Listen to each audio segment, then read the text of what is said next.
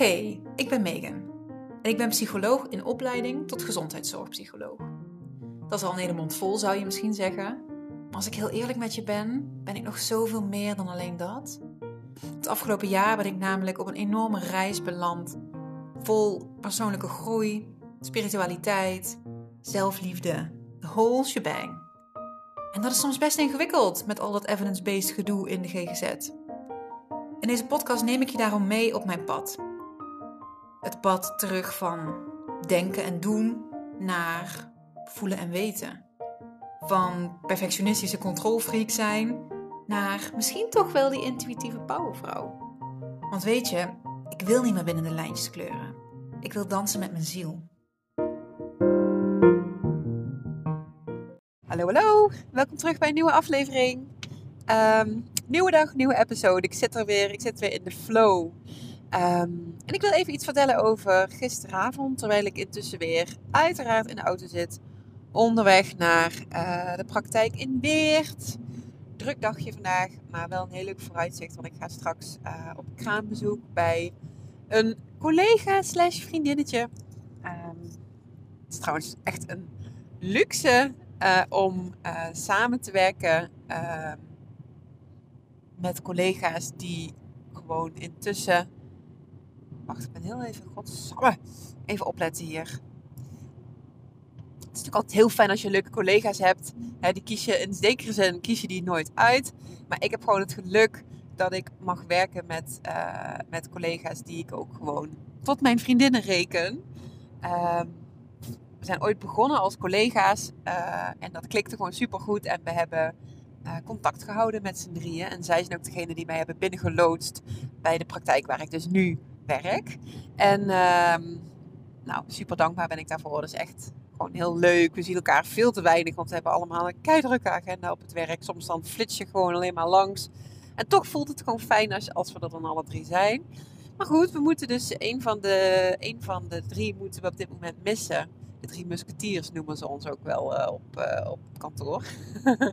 Bij het secretariaat. We moeten dus een van de drie missen, maar wel om de best mogelijke reden. Want ze heeft een kindje gekregen. Dus ze heeft haar uh, verlof nu. En ik ga op bezoek, super gezellig. Um, dus dat wordt mijn lichtpuntje in deze verder drukke, drukke werkdag. Ik heb intakes en intakes is altijd intensiever dan wanneer je natuurlijk een lopende behandeling hebt. Omdat je in intakes, je bent en aan het observeren. Je bent heel veel informatie aan het uitvragen. Je bent op allerlei sporen tegelijkertijd aan het denken en allerlei headspace gevuld aan het houden. Um, je bent aan het meeschrijven of typen. Je wil ook contact maken en iemand geruststellen. En daarna moet je er nog een fatsoenlijk verslag van maken. Nadenken wat nu jouw beeld is van deze persoon. Na letterlijk drie kwartier tot een uur met ze in gesprek te zijn geweest. En je moet een voorstel doen voor behandelindicatie. Ja, het is gewoon echt wel pittig. Kost altijd energie. Maar goed, ik heb nu eenmaal ruimte in mijn agenda voor nieuwe behandelcliënten. En dan moet je echt even een intake doen. Uh, om die mensen natuurlijk weer te kunnen oppakken. Dus ja, het hoort erbij. Het is best wel, best wel intensief. Maar, uh, maar goed, ik weet dat dus nu van tevoren. En dan, ja, ik leg de lat intussen gelukkig ook wel een stukje lager voor mezelf. Uh, want ik ben bij de praktijk in Eindhoven waar ik werk gewend dat we een super uitgebreide intake mogen en ook moeten doen. De, de regiebehandelaar. Er zijn echt dingen waar die graag veel over wil weten. Met name ook de achtergrond van iemand. Nou ja, goed. En op het moment dat je maar één uurtje de tijd krijgt, dan kun je het niet dusdanig uitvragen. Dus dat betekent dat ik soms ook kopjes maar heel sumier beschrijf. Of dat ik moet zeggen, dit heb ik niet uitgevraagd. En dat dan hè, de regiebehandelaar die het tweede gesprek doet, dat die dan nog wat dingen moet uitvragen. Nou, daar heb ik nu veel meer vrede mee dan, uh, dan een tijdje terug. Um, maar goed, dus dat wordt mijn dag van vandaag. Um, maar waar ik over wilde vertellen, is mijn avond van gisteravond. Um, jullie weten dat ik uh, afgelopen jaar toch wel een heel nieuw clubje van mensen om me heen aan het verzamelen ben. En dat heeft alles te maken met dat ik ook hele andere dingen aan het uitspreken ben naar de buitenwereld toe. Niet alleen in deze podcast natuurlijk, maar ook daarbuiten. Ja, durf ik mensen meer um, te laten zien van mijn eigen binnenwereld. Maar durf ik ook als ik het idee heb dat het met iemand klikt of zo. Of dat we interesses delen. Ja, ik, ik pak daar sneller in door of zo. Ik had eerst, voorheen zat ik heel erg in de gedachte en de belemmerende overtuiging van ja, maar ik ben, ik, ik ben anders en ik ben minder leuk. En mensen zitten helemaal niet te wachten als ze volwassen zijn op nieuwe contacten. Mensen hebben het al druk zat. En dan kwam ik in een soort van verlammende onzekerheid, waardoor ik dat dan maar uit de weg ging. Ehm, of met heel veel spanning, waardoor ik helemaal niet mezelf was. En ja, een soort overaangepaste versie ging zijn of zo. Bij het ontmoeten van nieuwe mensen, zeg maar. Hè? En nu, uh, nou, dat, dat, dat is aan het veranderen. Ehm, en ik had gisteravond, uh, dat is allemaal zo via, het, uh, via de kinderopvang en de school verlopen. Ehm, momentje. Even kijken wat deze auto nou weer gaat doen. Oh, echt sommige mensen, hè? Zo. ja, oké. Ik zit weer op de goede weg. Uh, ik ben langs gegaan bij een van de coaches op het kinderdagverblijf. Ja, ja. Um, die ik dan op Instagram tegenkwam en die allerlei dingen bleek te doen met, met uh, ja, troepvrije cosmetica en, en, en, en verzorgingsproducten en schoonmaakmiddelen. En allemaal ook op basis van uh, essentiële oliën. En dat vond ik toch zo interessant. Ik had natuurlijk wel mijn. Ik heb thuis mijn Holland en Barrett olietjes en mijn, mijn kaarsjesbrandertje. En ik doe dat thuis wel eens aan. En ik heb ook wel eens opgezocht van welke olie heeft nou welke werking. Maar dat blijkt dus nu dat als je zo'n Holland Barrett olietje koopt, waar ook op staat van hè, dat mag je dus niet op je huid smeren en zo. Dat is dus best wel troep eigenlijk. Heeft dus ook niet echt de werking die echte essentiële oliën hebben. Nou ja, ik was dus super geïnteresseerd en toen heeft zij mij uitgenodigd bij haar thuis. En dat was gisteravond. En heel last minute kwam ik erachter dat er ook nog een andere moeder van de school kwam. Waar ik wel eens zo een beleefdheidspraatje bij de kapstok mee had gewisseld rondom de kinderen, maar verder uh, nog niet echt zo mee had gepraat. En het was wel interessant, want toen ik hoorde uh, dat er dus nog iemand bij was, uh, mijn eerste reactie was echt intern zo'n, nou ik noem het even ouderwetse schrikreactie.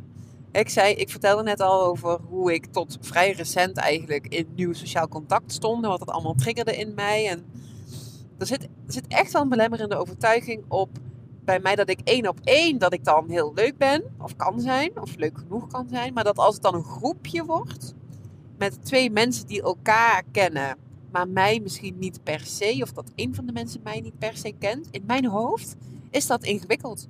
En in mijn hoofd, um, in mijn oude hoofd moet ik dus zeggen, uh, is dat dan gelijk iets van, oh fuck, ja, dan... Uh, uh, gaan zij het natuurlijk super leuk hebben met elkaar. En dan weet ik niet wat ik moet zeggen. En dan ben ik weer anders. En dan vinden ze mij minder leuk. En dan zo. Um, het meisje in mij die heel graag speciaal wil zijn. En, en, en, en leuk genoeg en lief. Die denkt gelijk, oh kijk, dus zo speciaal ben je helemaal niet dat je daar thuis uitgenodigd wordt. Als ik het zo hard op zeg, denk ik echt, oh god, wat erg. Maar ja, I gotta be real with you. Want dit is echt wat er dan in een flits door mij heen schoot.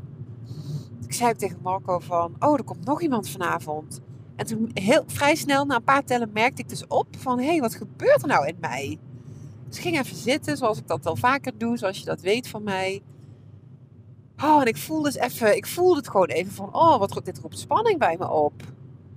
En, en toen stond ik daar heel even bij stil. En toen had ik ook vrij snel aan de gaten van... Oh ja, dit is, dit is weer gewoon dat oude... Dit is weer het oude patroon. Dit is weer de oude angst...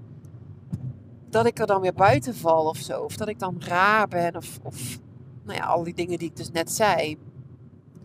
En totdat ik het zo kon identificeren. En de reactie was niet mega sterk hoor. Want um, ja, like I said, dit is echt al wel aan het shiften. Maar ik moest even door die reactie heen. En toen keek ik er eventjes met uh, de, ja, de ogen van de volwassen Megan naar. Toen dacht ik, is dit nou een issue? En toen voelde ik, nee, helemaal niet. Dit is leuk, want ik, ik ken heel weinig mama's op de campus. En ik ben dan ook niet zo iemand die dan bij het ophalen op woensdagmiddag gewoon naast een rende moeder gaat staan en zegt: Hoi, uh, ik ben Megan en waar zit jouw kind? Dat zou prima kunnen, denk ik nu. Maar oh, ik voel me daar zo ongemakkelijk bij als er een aanleiding is of zo, dan, dan vind, ik dat heel, vind ik dat heel leuk en ook wel makkelijk. Maar zo in het wilde weg, dan oh, vind ik spannend. Dus ik dacht, is dit een issue? Nee, helemaal niet. Het is juist leuk toch om iemand te leren kennen. En uh, ik, vind, ik vind de coach leuk waar ik naartoe ga. En uh, uh, zij nodigt mij niet voor niks uit. Maar zij nodigt die andere mama ook niet voor niks uit. Dus toen kwam er een soort, nou, gewoon enthousiasme en nieuwsgierigheid en vertrouwen. En kon ik die oude angst ook gewoon zien als dat. Oh, dit is de oude angst. Een deel van mij vindt het spannend. Weet je, prima. Waardoor ik zelf, zelfs heb voorgesteld aan die mama die ook kwam van... hey, zullen we samen rijden? Want ik vermoedde al dat wij in dezelfde wijk zouden wonen. Gezien we de kinderen naar dezelfde school doen. Nou, dat bleek ook zo te zijn. Dus we gingen carpoolen en... Nou ja, dat was dus ook op dat moment helemaal niet meer spannend. Het is dan natuurlijk even een beetje van... Hoi, ja, nou hè, stap maar in en uh, ik ben Megan. En even zo wat elkaar wat leren kennen. Maar het is onwennig, maar niet spannend. En uh, dat is wel heel. Uh, nou, dus ik, ik vind het gewoon fijn dat ik daarin echt wat dingen aan het loslaten ben. Maar dat wil dus niet zeggen, hè, wat je ook heel duidelijk bij mij hoort, die oude, die oude triggerpatronen, hè, onverwachte nieuwe sociale situatie, uh, triggert die onbewuste minderwaardigheidsovertuigingen en dus ook het gevoel van spanning. Um, dat, gaat, dat gaat gewoon in split seconds. Wil niet zeggen dat ik daar nog ook ben per se op dat punt. Hè. Dit is nu, in de afgelopen tijd, is dit aan het helen en aan het integreren. Maar dat wil niet zeggen dat het nooit meer aangeraakt wordt. Maar ik heb natuurlijk wel de keuze hoe ver ik daarin meega. En die kon ik nu, doordat ik het zo opmerkte en gewoon even kon denken: oké, daar is het en even mijn soort gezonde volwassenen erbij haalde, kon ik, kon ik gewoon weer kiezen van hoe wil ik hier tegenaan kijken. En dan zakt die spanning dus ook. En die spanning zakt ook omdat ik al intussen meerdere ja, positieve ervaringen hiermee heb opgedaan. Hè? Um, dat, ik het dus, dat ik dus nieuwe mensen heb ontmoet en me gewoon heb opengesteld en dat het dan gewoon fijn was. Dus ja, een hoopgevende boodschap misschien als jij hetzelfde herkent. Maar goed, die avond was dus ook, ja, het, het, het ging gewoon heel soepeltjes. Het was, we hebben echt superveel geleerd over die olie. En het is allemaal veel minder ingewikkeld dan ik denk.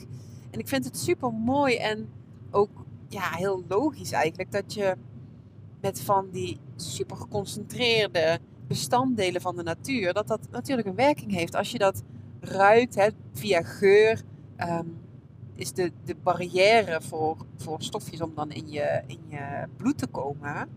Um, dat gaat natuurlijk heel vlug. En hetzelfde geldt voor als je iets op je huid smeert. Dat is ook binnen 20 minuten, geloof ik, uh, zit dat dan in je bloedbaan. En van daaruit gaat het dan zijn werking hebben op je lijf. Uh, en sommige van die olie roken echt fantastisch. En dan is het zo grappig hoe ieder dan zijn eigen voorkeuren heeft. Dus zij hielden met z'n tweeën echt mega van citrus. Ja, ik, citrus vind ik echt niet chill. Hou ik echt niet van. Ik kan best een mandarijn eten of zo, maar als ik het dan ruik bij iemand anders, oh, nee, ik hou ook echt niet van lemongrass en zo in mijn eten. Daar moet je echt niet mee aankomen. Ik, had, ik hield heel erg van zo bossig en bomig en aards. En blijkbaar dus ook aardende geuren. Wat wel interessant is, want ik schijn dus ook bij edelstenen en zo. Ik trek ook heel erg altijd onbewust naar de aardende stenen. Ik heb bijna alleen maar stenen die voor het eerste chakra zijn en die aardend werken. Dus ik zal dat dan wel nodig hebben of zo. Um, ja, ik weet, het was gewoon een fijne avond met gewoon een theetje en wat lekkers. En kletsen over die olie, maar ook wel echt kletsen over, ja, over onszelf en hoe we in het leven staan. En er werd zo voorzichtig wel wat een beetje afgetast van, nou, hoe spiritueel gaan we hier, zeg maar. En uh, omdat een van ons daar heel comfortabel in, in deelde, uh, opende dat ook gewoon deuren voor, voor gewoon een mooi gesprek. Uh, waarin ik dan ook oprecht merk dat ik gewoon ja, kan zijn wie ik ben en dat ik me ook gewoon uitspreek. Um, en blijkt dan ook dat die like-mindedness, waar ik een jaar of anderhalf geleden zo naar verlangde, hè, mensen om mij heen die snappen waar ik het over heb. Als ik deel over de dingen die mij bezighouden. dat ik daar zo naar verlangde en dat dat zo ver weg voelde. En dat ik dacht, waar de fuck ga ik die mensen vinden? Nou, recht onder mijn freaking nose dus blijkbaar. Ze zijn er gewoon. Maar door je, door je ik heb dit al eerder gezegd, ik, ik geloof daar ook heilig in.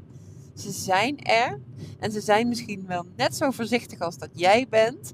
En ze kunnen ook pas echt in je leven komen op het moment dat jij je hart openstelt en ook laat zien wie jij echt bent. Want dat wat je laat zien, daar trekken mensen wel of niet naartoe. Dus je kan alleen maar like-minded mensen die matchen met jou aantrekken op het moment dat jij je ware aard laat zien. En dat jij over de dingen deelt die voor jou wezenlijk zijn. Dan kan iemand daarop aangaan. Dan kan iemand die magnetische werking voelen naar jou toe. En dat is weer bevestigd nu. Dat ik daar toch echt op mag vertrouwen. En ook die, het, verrassende element. Want deze mama die ik heb ontmoet. Als ik die van de buitenkant zo zie in een eerste indruk. Zou ik gewoon niet denken dat zij voor dit soort dingen open zou staan. Of daarmee bezig zou zijn. Want ja, dat is natuurlijk heel stom. Maar je vormt toch in een soort split second. Heb je, vorm je een soort beeld van iemand. Dat, dat kun je niet niet doen. Hè? Ons brein doet dat nu eenmaal. Um, maar ja, mensen zijn verrassend. En uh, je, zal je, je zal je echt moeten openstellen om daarachter te komen. En dan gewoon goed voelen van, voelt dit goed of niet? En nou, dit voelde goed. Dus het was leuk. Het was echt leuk. Um, en wie weet wat daar nog voor vervolg aankomt. Op het moment dat je dus in die oliewereld stapt, dan zit daar wel een hele community bij. En, en zou het ook zomaar kunnen dat je dan misschien nog eens regelmatig afspreekt of dingen met elkaar uitwisselt of zo.